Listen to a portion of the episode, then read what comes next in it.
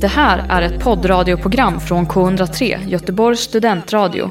Du hittar oss på k103.se. Av upphovsrättsliga skäl är musiken förkortad. I landet lagom, där sommaren levereras av Postnord, är tillvaron dyster och framtiden är osäker. Men se där, på en metafysisk balkong högt över stadens tak i Göteborg sitter Nils Anell och Hanna Nilsson och pratar strunt och kollar ut mot omvärlden. Och där är du välkommen kära lyssnare. Häng med oss när vi pratar om meriternas övertag och Britt-Marie 45. Du lyssnar på Balkongpodden, nu kör vi!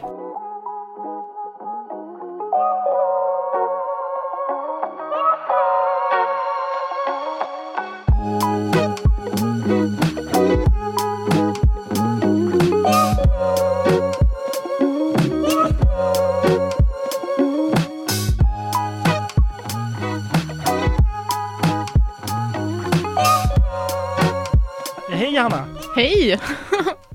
Vilket intro du bjöd på. Jag tyckte du använde ordet metafysiskt på rätt sätt. Ja, men det tycker jag absolut. Jag har någon form av dålig ovana att jag använder ord som jag egentligen inte 100% vet vad de betyder. Jag killgissar lite för mycket. Eh, vad står på agendan idag, Anna? Vi ska prata om eh, meritokrati och eh, Centerpartiets ungdomsförbund och deras senaste utspel. Men vi har ju också dubbelt så lång tid på oss idag. Just det, så ni som lyssnar, ni får eh, glädjen att lyssna på oss dubbelt så länge. Från och med denna veckan så kör vi alltså en timmes program istället för en halvtimme. Det kändes eh, ganska nödvändigt kan man väl säga. Ja, det, vi, vi hade ju det konstanta problemet att vi fick klippa ner och att vi fick begränsa oss för att vi kom Mm. alltid med alldeles för mycket material. Så det känns bra att vi kör långa program nu för tiden. Mm, Eh, och det jag tänker, jag tänker att det är bra nu när vi kommer till sommaren, liksom, att det är liksom så här typ, ehm, att vi börjar liksom redan nu konkurrera lite med liksom så här typ sommarpraten. mm. Perfekt. Vem vill lyssna på sommarprat när man kan lyssna på en timmes liksom program med Nils och Anna? P1, ring oss. Precis. Eh, men eh, ja, du, som du sa, vi ska prata om meritokrati. Jag har Mm. övat länge på att kunna Alltså säga jag det är där ordet. så rädd för att säga fel och bara haka upp mig på det nu. Jag tror lyssnarna har överseende med det. Mm. Men eh, kan inte du börja Hanna med att förklara vad det är? Absolut. Ehm, jag ska snacka om detta utifrån en bok eh, som jag har läst och ett TED-talk som jag har lyssnat på. Eh, men jag ska börja med eh, boken. Och då är det boken Om man älskar frihet, tankar kring det politiska, skriven av Nina Björk som kom ut förra året. Eh, och hon ägnar ett helt kapitel åt det här begreppet meritokrati och sen så följer det med eh, genom boken. Och hon eh, använder sig av definitionen som eh, finns på Nationalencyklopedin. Och då definieras meritokrati så här, att det är en samhällsordning i vilken individer rangordnas eh, och sociala belöningar, inkomst, status fördelas efter förmåga och förtjänster, ofta värderade efter utbildningsmässiga meriter. Ehm, så det är liksom det meritokrati handlar om, att meriter ska styra vilken position du hamnar på i samhället. Mhm. Du är Mm. med så Ja, ja, långt? ja. Mm. Definitivt. Mm. Ehm, och det som är väldigt viktigt då för att den här principen ska fungera är att det ska finnas en likhet i möjlighet, men att detta sen eh, ska leda till olikhet i utfall. Och det betyder då att alla ska ha samma möjlighet att tillskansa sig dessa meriter som sen bestämmer var du hamnar. Eh, så att för det här systemet att fungera så är det ju väldigt viktigt med skolan och utbildning. För det är ju sen hur du presterar i skolan som avgör dina möjligheter till en högre utbildning, som i sin tur då avgör vilket arbete du kommer få, om du kommer få ett högavlönat arbete med hög status eh, eller ett annat slags arbete. Eh, och då, ja, som sagt, då är det väldigt viktigt att alla ska ha samma möjlighet att eh, tillskansa sig de här meriterna och klättra i hierarkin. Eh, och tanken är då att den som jobbar hårdast och presterar bäst eh, hamnar eh, högre upp och den som inte arbetar lika hårt stannar på en lägre nivå i hierarkin. Snackar vi om alla olika sorters meriter i en meritokrati? Alltså jag tänker det finns ju både, det finns dels liksom alltså akademiska meriter men mm. sen så mm. kan det finnas liksom, jag vet inte, andra sorters meriter också. Typ fysiskt arbete eller att, så att man kan någon form av liksom någon form av hantverk eller något sånt som är väldigt, alltså som är väldigt specifikt eller någonting. Räknas det in som liksom meriter också då? En mm. meritokrati? Mm, det gör ju inte riktigt det, eh, i och med att det som anses vara meriterande, det är ju det som liksom eh, samhället så att säga har bestämt ska belönas högst. Liksom. Du kan ju vara jätteduktig på ett hantverk, eh, men det betyder ju inte att det leder till ett jobb med en hög lön, liksom. Utan det som är meriter är ju det som leder till de här topppositionerna i samhället och sen den liksom fallande ordningen där under. Så man pratar ju framförallt om utbildningsmässiga meriter. Det är liksom det det i grund och botten handlar om. Alltså att du ska kunna eh, bli en person som kan utföra det arbete som samhället tycker är värdefullt och värt att belöna. Mm. Det är det eh, Mm.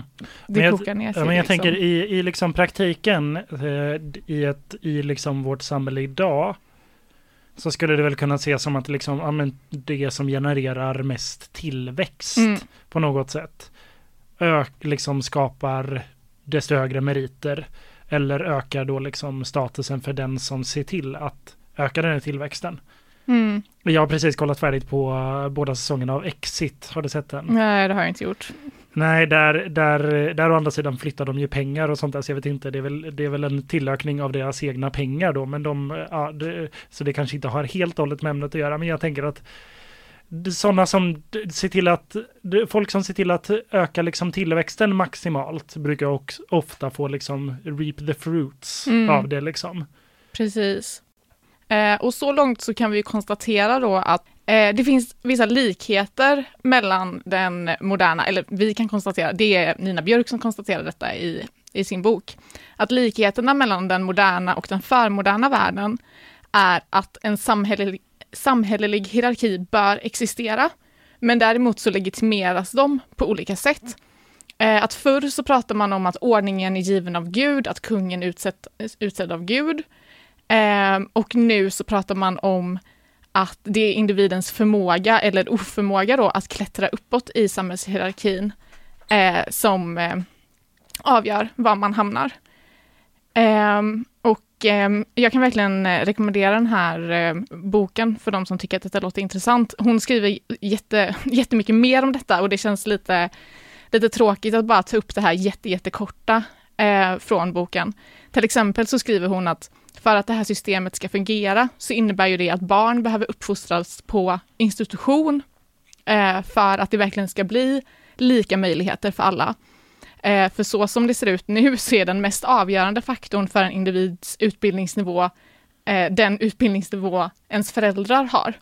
Eh, så föräldrarna påverkar liksom jättemycket eh, vart man hamnar i den här hierarkin. Mm. Så i, i förlängningen så skulle det liksom då innebära att eh, eh, barnen behöver tillbringa mycket mindre tid med sina föräldrar för att faktiskt ha de här lika möjligheterna. Hon har jättemånga intressanta resonemang kring detta. Oj, spännande. Mm. Men det måste ju vara, eller jag vet inte.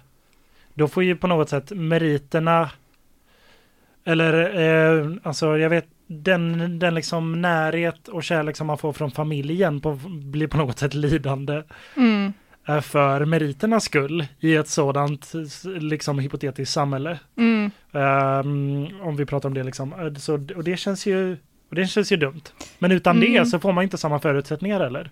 Så då känns det ju inte som att meritokrati kan fungera utan det. Menar hon då eller? Mm, ja men precis. Eller till sin liksom alltså fulländad meritokrati. Kan mm. inte fungera utan det. Precis. Eh, men jag tänkte att jag skulle gå över och prata om det här TED-taket eh, då, som jag har kollat på. Vad heter det? Eh, bra fråga, men han som håller i det heter eh, Jonathan Misch. Och det handlar om ojämlikhet. Eh, och han är eh, forskare i sociologi vid Harvard universitet och eh, forskar just om ojämlikhet. Och eh, idag ser det då ut så att en tredjedel av all inkomst och två tredjedelar av alla förmögenheter eh, tillfaller de topp 10 procenten i samhället. Och eh, Mish menar då att den här ökade ojämlikheten har fått väldigt mycket uppmärksamhet. Eh, det är inte det han ser som problemet. Men däremot så är folk inte oroliga över detta. Så ojämlikheten ökar, men människor blir mindre oroliga över ojämlikheten och detta är en trend som har pågått sedan 80-talet här i västvärlden. Och han försöker då besvara eh, frågan varför det ser ut så här. Eh, och då finns det liksom ett tvådelat svar.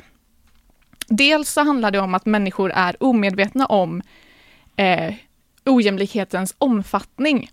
Så de har till exempel gjort undersökningar där folk ska uppskatta hur mycket en VD tjänar jämfört med de som jobbar på, bo på bordet, på golvet. Just det, det har jag ingen aning om. Eh, och det folk uppskattar då är att en VDs lön är eh, 15 gånger högre. Det är den ration liksom man uppskattar. Ja, okej. Okay. Eh, I verkligheten så är förhållandet 90 till 1. Men alltså, eh, vart pratar vi nu? Eh, pratar vi Sverige nu? Alltså det är väl en generell uppskattning, jag kommer inte nej, ihåg vänta, om exakt det är ett vilka... Alltså, ja, det är ju inte ett svenskt TED-talk, så nej, det är väl nej, inte men Sverige. Precis. Så, men det är ju skitmycket. Ja, och i USA så är det 350 till 1. What?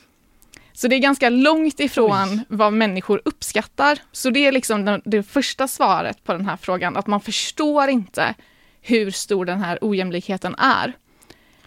Det är som när man var barn och inte förstod att solen var så himla mycket större än jorden. Mm, och sen så då man liksom var typ så här, jag vet inte, då man faktiskt läste liksom astronomi i skolan i högstadiet och fick se liksom att, sol, att jorden var en liten ärta liksom, så fattade man hur stort mm, det var. Exakt.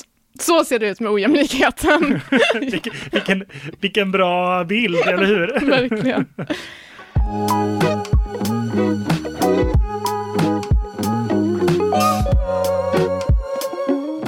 Som jag har förstått det helt rätt så är den globala uppfattningen om hur mycket till exempel en vd tjänar ganska så skev. Mm. Eller alltså vi, vi, vi, vi mm, kan inte uppskatta riktigt alltså korrekt hur Nej, en precis. vd eller någon på en riktig så här, topposition tjänar. Man, man förstår liksom inte riktigt hur ojämlikt det faktiskt är. Okay. Att man har en bild av att det är eh, mer jämlikt än vad, vad det faktiskt är. Mm. Så det är det ena, eh, svar, ena delen på, på svaret eh, kring varför ojämlikheten ökar, men människor blir mindre oroliga. Och den andra delen är att eh, samtidigt som ojämlikheten har ökat så har också tron på meritokrati ökat. Och det innebär ju då att eh, samtidigt som samhället har blivit mer ojämlikhet, ojämlikt så har också liksom övertygelsen om att det är en legitim ojämlikhet ökat. Så att de som är på toppen eh, tänker man har förtjänat det och de som är på botten har också förtjänat det, för de har inte jobbat lika hårt. Varför, varför tror du att det här har uppstått? Den här liksom uppfattningen? Um, Kanske svårt att svara på. Ja, alltså Eh, det han beskriver i sitt eh, TED-talk, Jonathan Misch, är att eh, det finns väldigt kraftiga sociala gränser som skiljer de rika från de fattiga. Eh, och att det gör att människor från olika liksom, sociala grupper inte möts.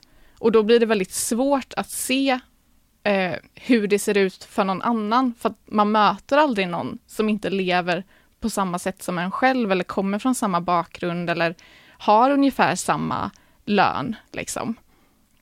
Eh, och på det viset så blir det liksom lättare att, att ojämlikheten osynliggörs. Eh, och han menar ju då att vi behöver, för att få en bättre förståelse av världen, så behöver vi överskrida de här gränserna och möta folk som inte är som vi, eller lever som vi, eller har samma, tillhör samma sociala grupp. Mm. Um, och det här, ja. Hur gör man det? Tänker jag. Alltså ett sätt är till exempel att ha blandade skolor, liksom. Att inte alla barn från ett område samlas i, i en skola. Um, och samma sak att man har blandade boendeformer, att inte alla människor eh, från samma sociala grupp bor tillsammans i ett område. Um, men det är svårt att, svårt att komma runt på ett sätt. Ja, Eller det krävs precis. ju politiska beslut för att, det ska, för att man ska komma runt det. Verkligen. Eh, och det jag också tänker eh, kring detta är ju också vad som händer med liksom eh, klassmedvetenheten eller liksom klassbegreppet. För att om man tänker att det är så här, liksom, då blir klass väldigt irrelevant att tala om för att det på något sätt blir upp till varje individ att välja vilken klass man vill tillhöra. Att jobbar du hårt och presterar bra så kan du göra en klassresa uppåt. Um, och det är lite upp till dig själv huruvida du vill göra det eller inte. Jag tänker att det är så i tanken i alla fall, men jag tänker att det måste vara väldigt, väldigt svårt för vissa att göra klassresor. För vissa kanske det är väldigt lätt. Man kommer ihåg själv när man gick i skolan och man hade de här liksom personerna i klassen som liksom bara läste igenom ett kapitel en gång och sen så fick de liksom MVG på provet. Mm. Nu är jag gammal för att jag ser MVG, men och inte typ A. Men du, du fattar vad jag menar? Alltså, ja, det... och det visar också på att detta inte funkar, för du kanske hade pluggat mycket mer än dem. Du kanske hade pluggat jättemånga timmar medan de läst igenom kapitlet en gång. Och då är det ju du som har jobbat hårdast.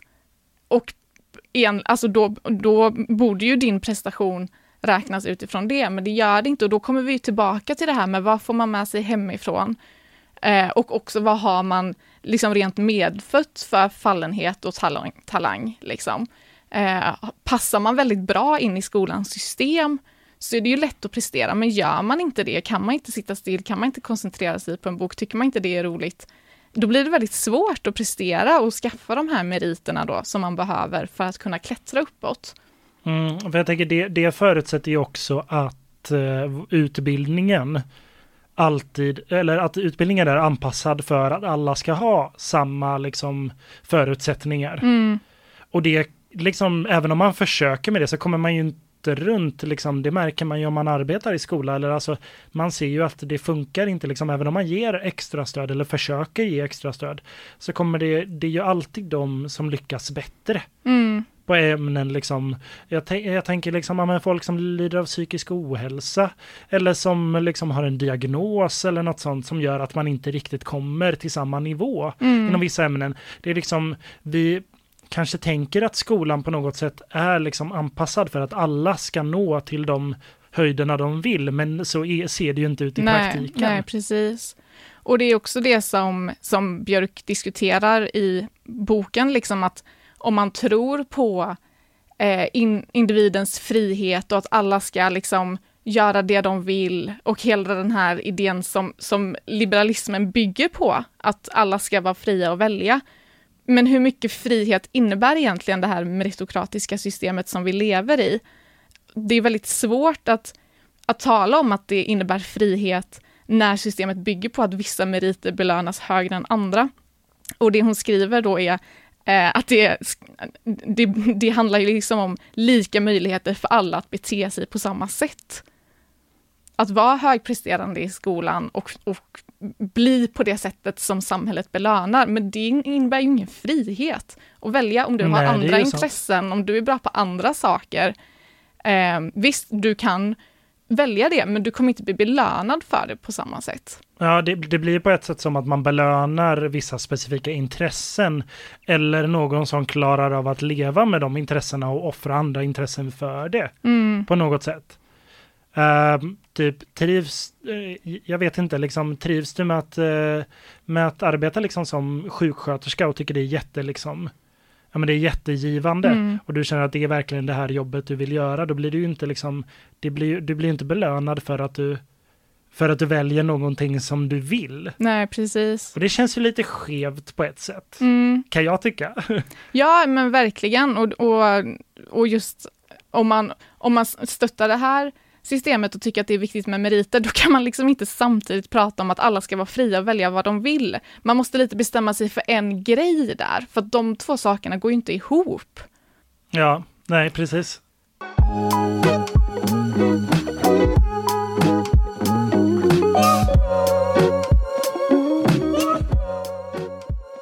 Eh, och det vi har snackat om eh, hittills, vi pratar om meritokrati idag.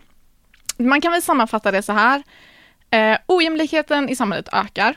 Eh, det, rika och fattiga separeras allt mer. Man, man ser liksom inte, eh, man träffar inte folk som inte lever på samma sätt som en själv. Samtidigt så ökar också tron på att den här ojämlikheten är legitim, alltså att tron på merit meritokrati ökar och ojämlikheten ökar och så bara går det i en spiral så här liksom. Och jag tänker en jätteviktig fråga att ställa sig i detta är ju också, är detta det samhället vi vill ha? För oavsett om man tycker att, att det är eh, rimligt liksom att, att man genom sina meriter ska kunna klättra i hierarkin, eh, så kan man ju också fråga sig, vill vi ha ett hierarkiskt samhälle? Vill vi ha ett ojämlikt samhälle? För det är väldigt viktigt att, att, tänka på att meritokrati är liksom ingen metod för att nå ett jämlikt eller rättvist samhälle, utan det är ett sätt att legitimera ojämlikheten. Mm. Vad tänker du om det? Ja. Eh... Jag tänker bara utifrån mig själv att eh, jag hade inte velat hamna längre ner i hierarkin, få sämre lön, få liksom sämre hälsa, kortare liv, allt sånt som hänger ihop med liksom eh, alla de konsekvenserna som drabbar de lägre klasserna. Liksom. Det hade jag inte velat ha bara för att jag inte var duktig i skolan. Eh, och jag tänker om jag inte vill det, eh, jag, jag, tänk, alltså jag tänker att det är nog inte så himla personlig, personligt för mig. Liksom. Jag tänker att det kan vara en ganska generell åsikt. Ja, nej men precis. Och jag tänker också så här att, ja men drar man ner det lite liksom, vad ska man säga?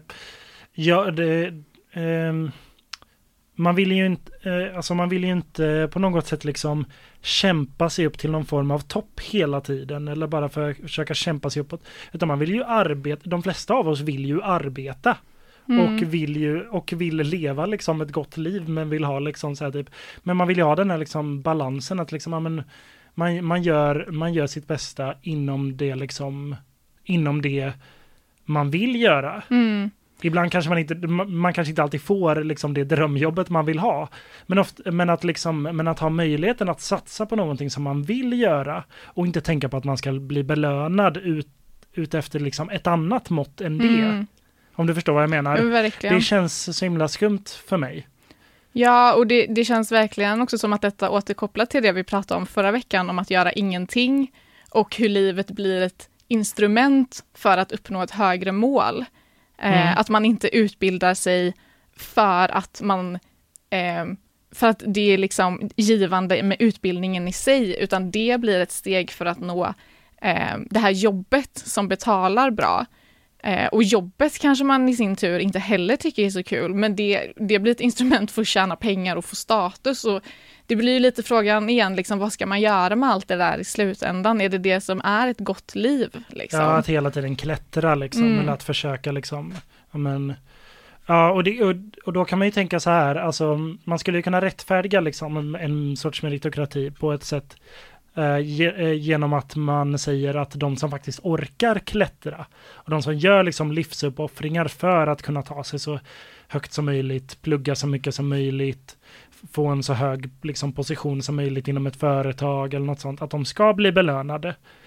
Men, eh, men, då, men det blir på något sätt som att de liksom sätter standard för resten av liksom arbetsmarknaden eller arbetskraften på något mm. sätt då.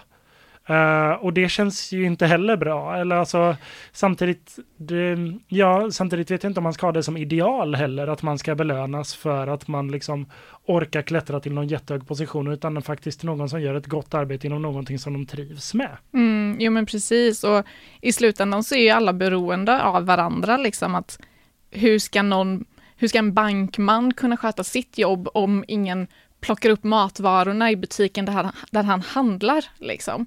Att man, det blir lite att man typ ignorerar att alla är sammanvävda och att alla, allas arbeten behövs. Liksom. Det blir en lite skev värdering tycker jag mm. i de olika, liksom, olika arbeten och insatser. Verkligen. Um, ja, jag håller med. Vi ska lite smått byta ämne, Mm, men vi hänger kvar lite på samma ämne på ett sätt. mm, Men en av de roligaste nyheterna från i veckan tyckte jag var eh, SUF, alltså Centerpartiet, Centerpartiets ungdomsförbunds eh, video som de la ut på sin, på sin Twitter och på sin Instagram. mm. Och vi ska lyssna hur den lät. Hej!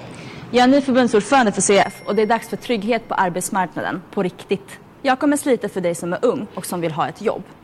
CF vill att LAS avskaffas helt för att ge möjlighet en arbetsmarknad som faktiskt fungerar. När du har studerat klart ska du kunna skaffa dig ett jobb och börja ditt liv. Inga onödiga sosselagar ska kunna stoppa dig. Vi kan inte ha en lagstiftning som skyddar Britt-Marie 45 som har suttit kvar i fikarummet i flera år istället för hårt arbetande unga. Hej då LAS! Det här var alltså Reka Tolnaj eh, som är... eh, Förbundsordförande för. Precis, så heter det. Eh, och som då uttrycker deras åsikt kring LAS väldigt, väldigt Mm. tydligt. Eh, och ja, det, det, det finns mycket att säga om det här tycker Mm. jag. Eh, det, det, det var mycket som jag reagerade på. Men innan vi går in på allt det så tänkte jag bara säga, vad är din eh, liksom, generella uppfattning kring politiska ungdomsförbund, Hanna? Eh, oj, alltså rent generellt så känns det väl som att de är lite mer radikala än sina moderförbund, eller vad man säger. Alltid, Eh, tycker jag. Ja, åt alla håll, liksom. Verkligen. Ehm, men, så det är väl min generella uppfattning. Ehm, Mm. mm. Eh, ja, jag tycker politiska ungdomsförbund är väldigt, väldigt roliga, lite komiska på ett sätt.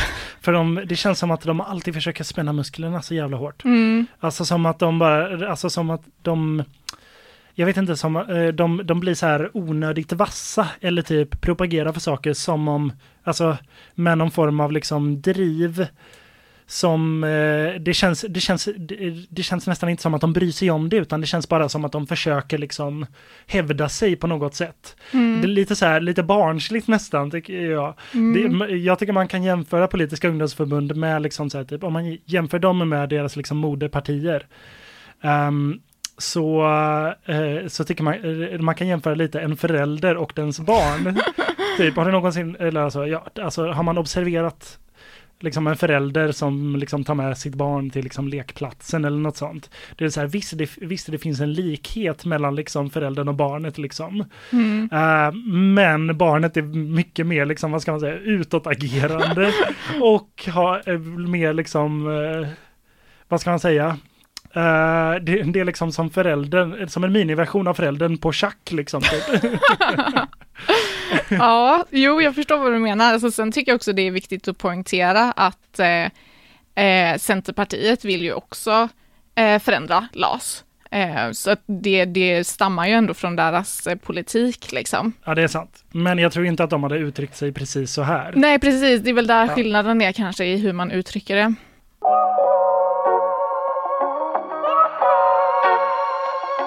Eh, ja, den här, den här eh, videon då som sufflar upp Mm. om uh, Hejdå LAS.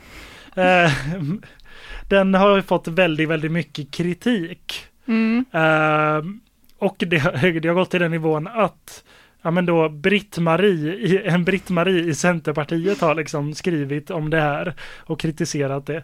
Och det, ja, det har fått ganska så mycket uppståndelse och jag hittade en tweet från eh, Reka Tolnaj och hon, som, hon från SUF då, ehm, som lyder så här, min största talang i livet är att sova bort dagarna och det kände jag var lite så här, det var lite kul i liksom, i skuggan av det här. Mm. Eh, men det jag stör mig på allra mest är nog liksom den här arroganta tonen i det här gentemot eh, liksom, alltså, Britt-Marie 45. ja men verkligen, det är liksom någon form av liksom förakt mot folk som har varit länge på arbetsplatser.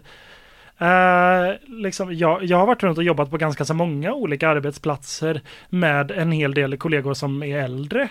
Och då liksom, alltså då, det, där är det ju folk som, de som sitter och dricker kaffe i fikarummet på sina raster liksom.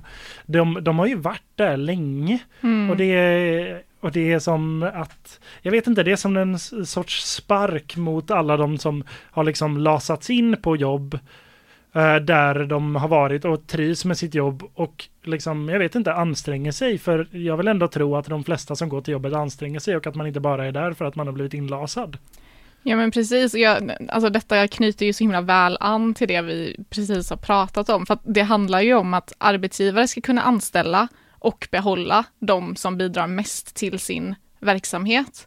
Och det är ju bara det perfekta exemplet på meritokrati. Eh, det är ju toppen för de som bidrar, de som arbetsgivaren eh, vill behålla, men, men alla andra då? Och också frågan om hur går det ihop med de här liberala värderingen, värderingarna om individens frihet? Mm. Eh, för jag läste på SUFs hemsida eh, där de skriver att de tror på en fri värld där människor bor var de vill, arbetar med vad de vill och blir det de vill. Eh, bla bla bla, utan att stater och politiker lägger sig i. Eh, vi tror inte att staten ska styra individen, vi tror på dig. Och, men det är ju precis det man gör genom ett, ett sånt här beslut att ta bort eh, LAS eller liksom anställningsskyddet. Att, eh, då kan man ju inte bli vad man vill eller följa sitt hjärta och, och, och göra det man, man helst vill, utan då behöver man ju bli den här eh, meriterade prestationspersonen liksom som passar in på de verksamheterna som vill anställa en liksom. Mm. Uh, ja, det finns, ju både, det finns ju både positiva och negativa saker med LAS. Ibland funkar det inte så himla bra i praktiken. Men jag, som sagt var, så blir jag väldigt liksom, jag blir väldigt arg på den här inställningen till då den här Britt-Marie. Mm. Uh, och det kändes himla typiskt ett politiskt ungdomsförbund att bli så, så uppeldad kring någonting bara för att liksom ungdomar ska få jobb liksom. Men om vi, om, som du sa, att det knyter an lite till det vi pratade om förra förra veckan och sådär. Och jag tänker liksom på det här, ja, men den här livsfilosofin som vi har touchat på lite. Om att livet ska vara härligt och man ska liksom Mm. kunna slappna av och man ska inte alltid behöva känna den här pressen. Liksom att behöva göra någonting. Men att man typ så här, ja, men man har ett jobb, man går till det, man trivs med det, man eh, liksom, man, eh, man gör sitt bästa där och sådär. Men att man inte ska känna sig liksom jag, jag, jag tycker den inställningen att, liks- att liksom, ja, men Britt-Marie 45, inte, att hon inte ska få dricka sitt kaffe liksom, efter att hon har jobbat där i flera år. Mm. Liksom. Uh, och att det är någon form av, eller den är, det, alltså att den inställningen är så rutten på något sätt, eller att den är hetska stämningen. Mm. Det är en väldigt rutten. konkurrensdriven syn på människor liksom. Ja, ja men precis och att liksom, men, alltså det, det känns som att känns som att så fort man slappnar av så ska man liksom känna sig hotad av liksom Mm. en, en uh, ungdom som kommer in och vill ha jobb och har mycket mer energi och driv på något sätt. Mm. För jag tänker på något sätt att i en perfekt värld så kan man, så ska man kunna gå till ett jobb som innebär kanske ibland en positiv stress. Alltså att man har, ibland är det mycket att göra, ibland är det lugnare att göra. Men som överlag inte ska präglas av en, av en liksom fort, eh, alltså en, en, eh, en pågående stress som, som man bär med sig hela tiden. Att hoppas jag Mm. gör tillräckligt. Eller hoppas jag liksom jobbar tillräckligt snabbt. Eller att jag ökar tempot inför imorgon. Eller hoppas ingen kommer och stjäl min Ja, precis. position Det blir någon sån- Accelererande stress liksom. Ja men precis för att det, det alltså det kan jag ju känna redan nu att jag liksom, nu pluggar jag ju och jobbar lite vid sidan av, men alltså jag kan känna redan nu den stressen att liksom när jag kommer ut i arbetslivet, men då måste jag prestera så jävla Mm. mycket för att jag ska få ett arbete. Mm. Typ, och då liksom, men den stressen orkar man inte bära runt på hela livet. Det finns så mycket annat att vara stressad över ändå. Ja, Kan man inte bara få liksom gå till, om man då har fått ett jobb, oavsett om man har blivit inlasad eller ej, liksom, kan man inte bara få gå till det och dricka sitt kaffe på sin kafferast? och till, till, till och med liksom ta en liten paus och prata med kollegor ibland Mm. och sånt där. Sånt som faktiskt är värdefullt. Mm. Som vi pratade om för, eh, i förra avsnittet, att liksom, ja, men den stressen som då SUF på något sätt liksom, vi, eh, känns som de vill pracka på en, liksom, Mm. att, man ska, att man ska få släppa den på något sätt. Ja, verkligen. Mm.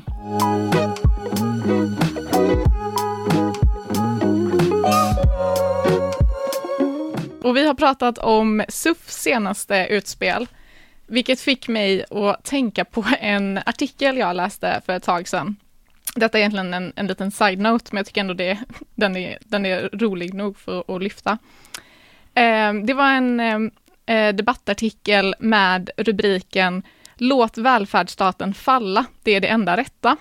Eh, och i ingressen så stod det jag har aldrig fått frågan om jag vill vara med i välfärdsstaten. Jag har aldrig bett om att det offentliga ska ta hand om min sjukvård och min äldreomsorg.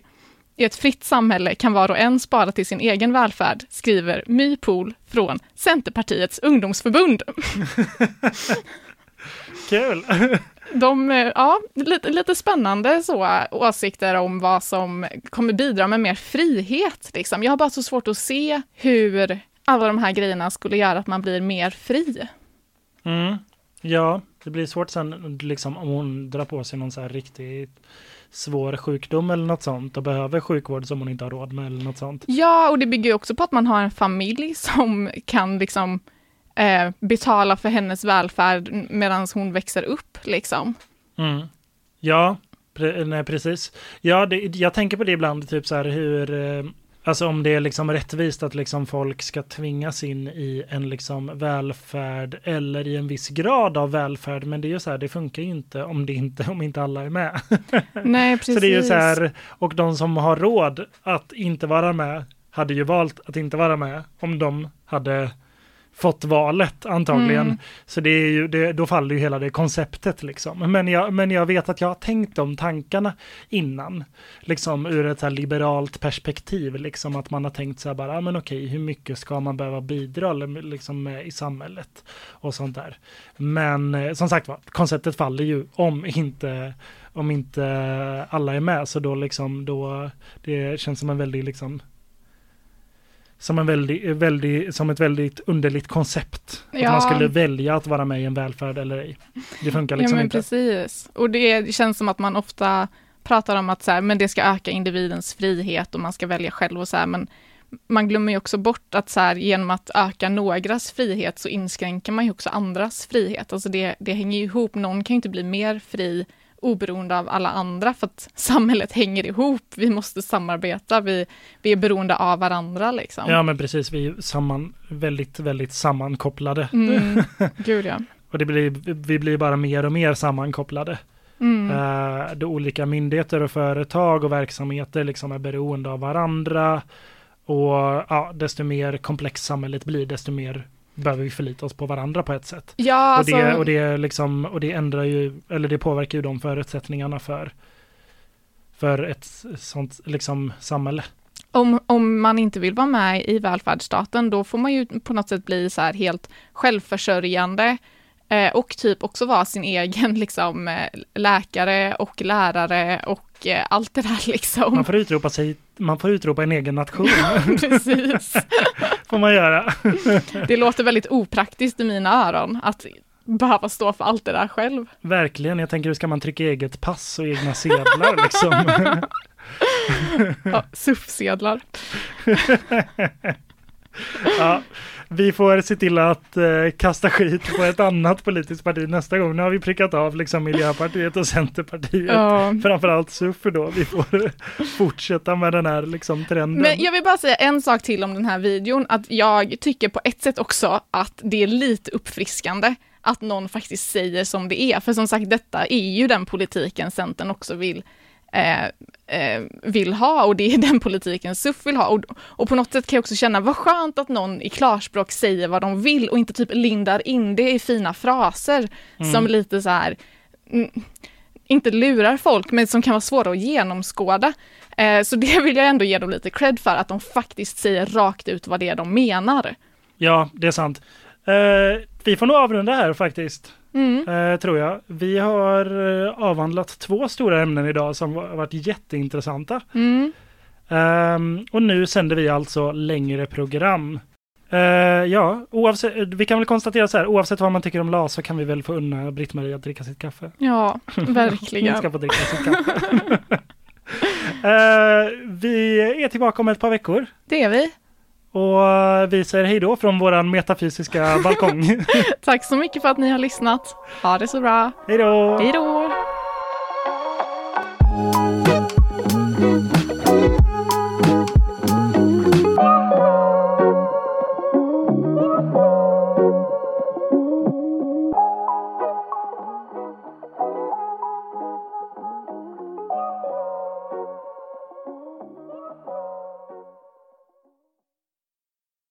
Du har hört en poddradioversion av ett program från K103.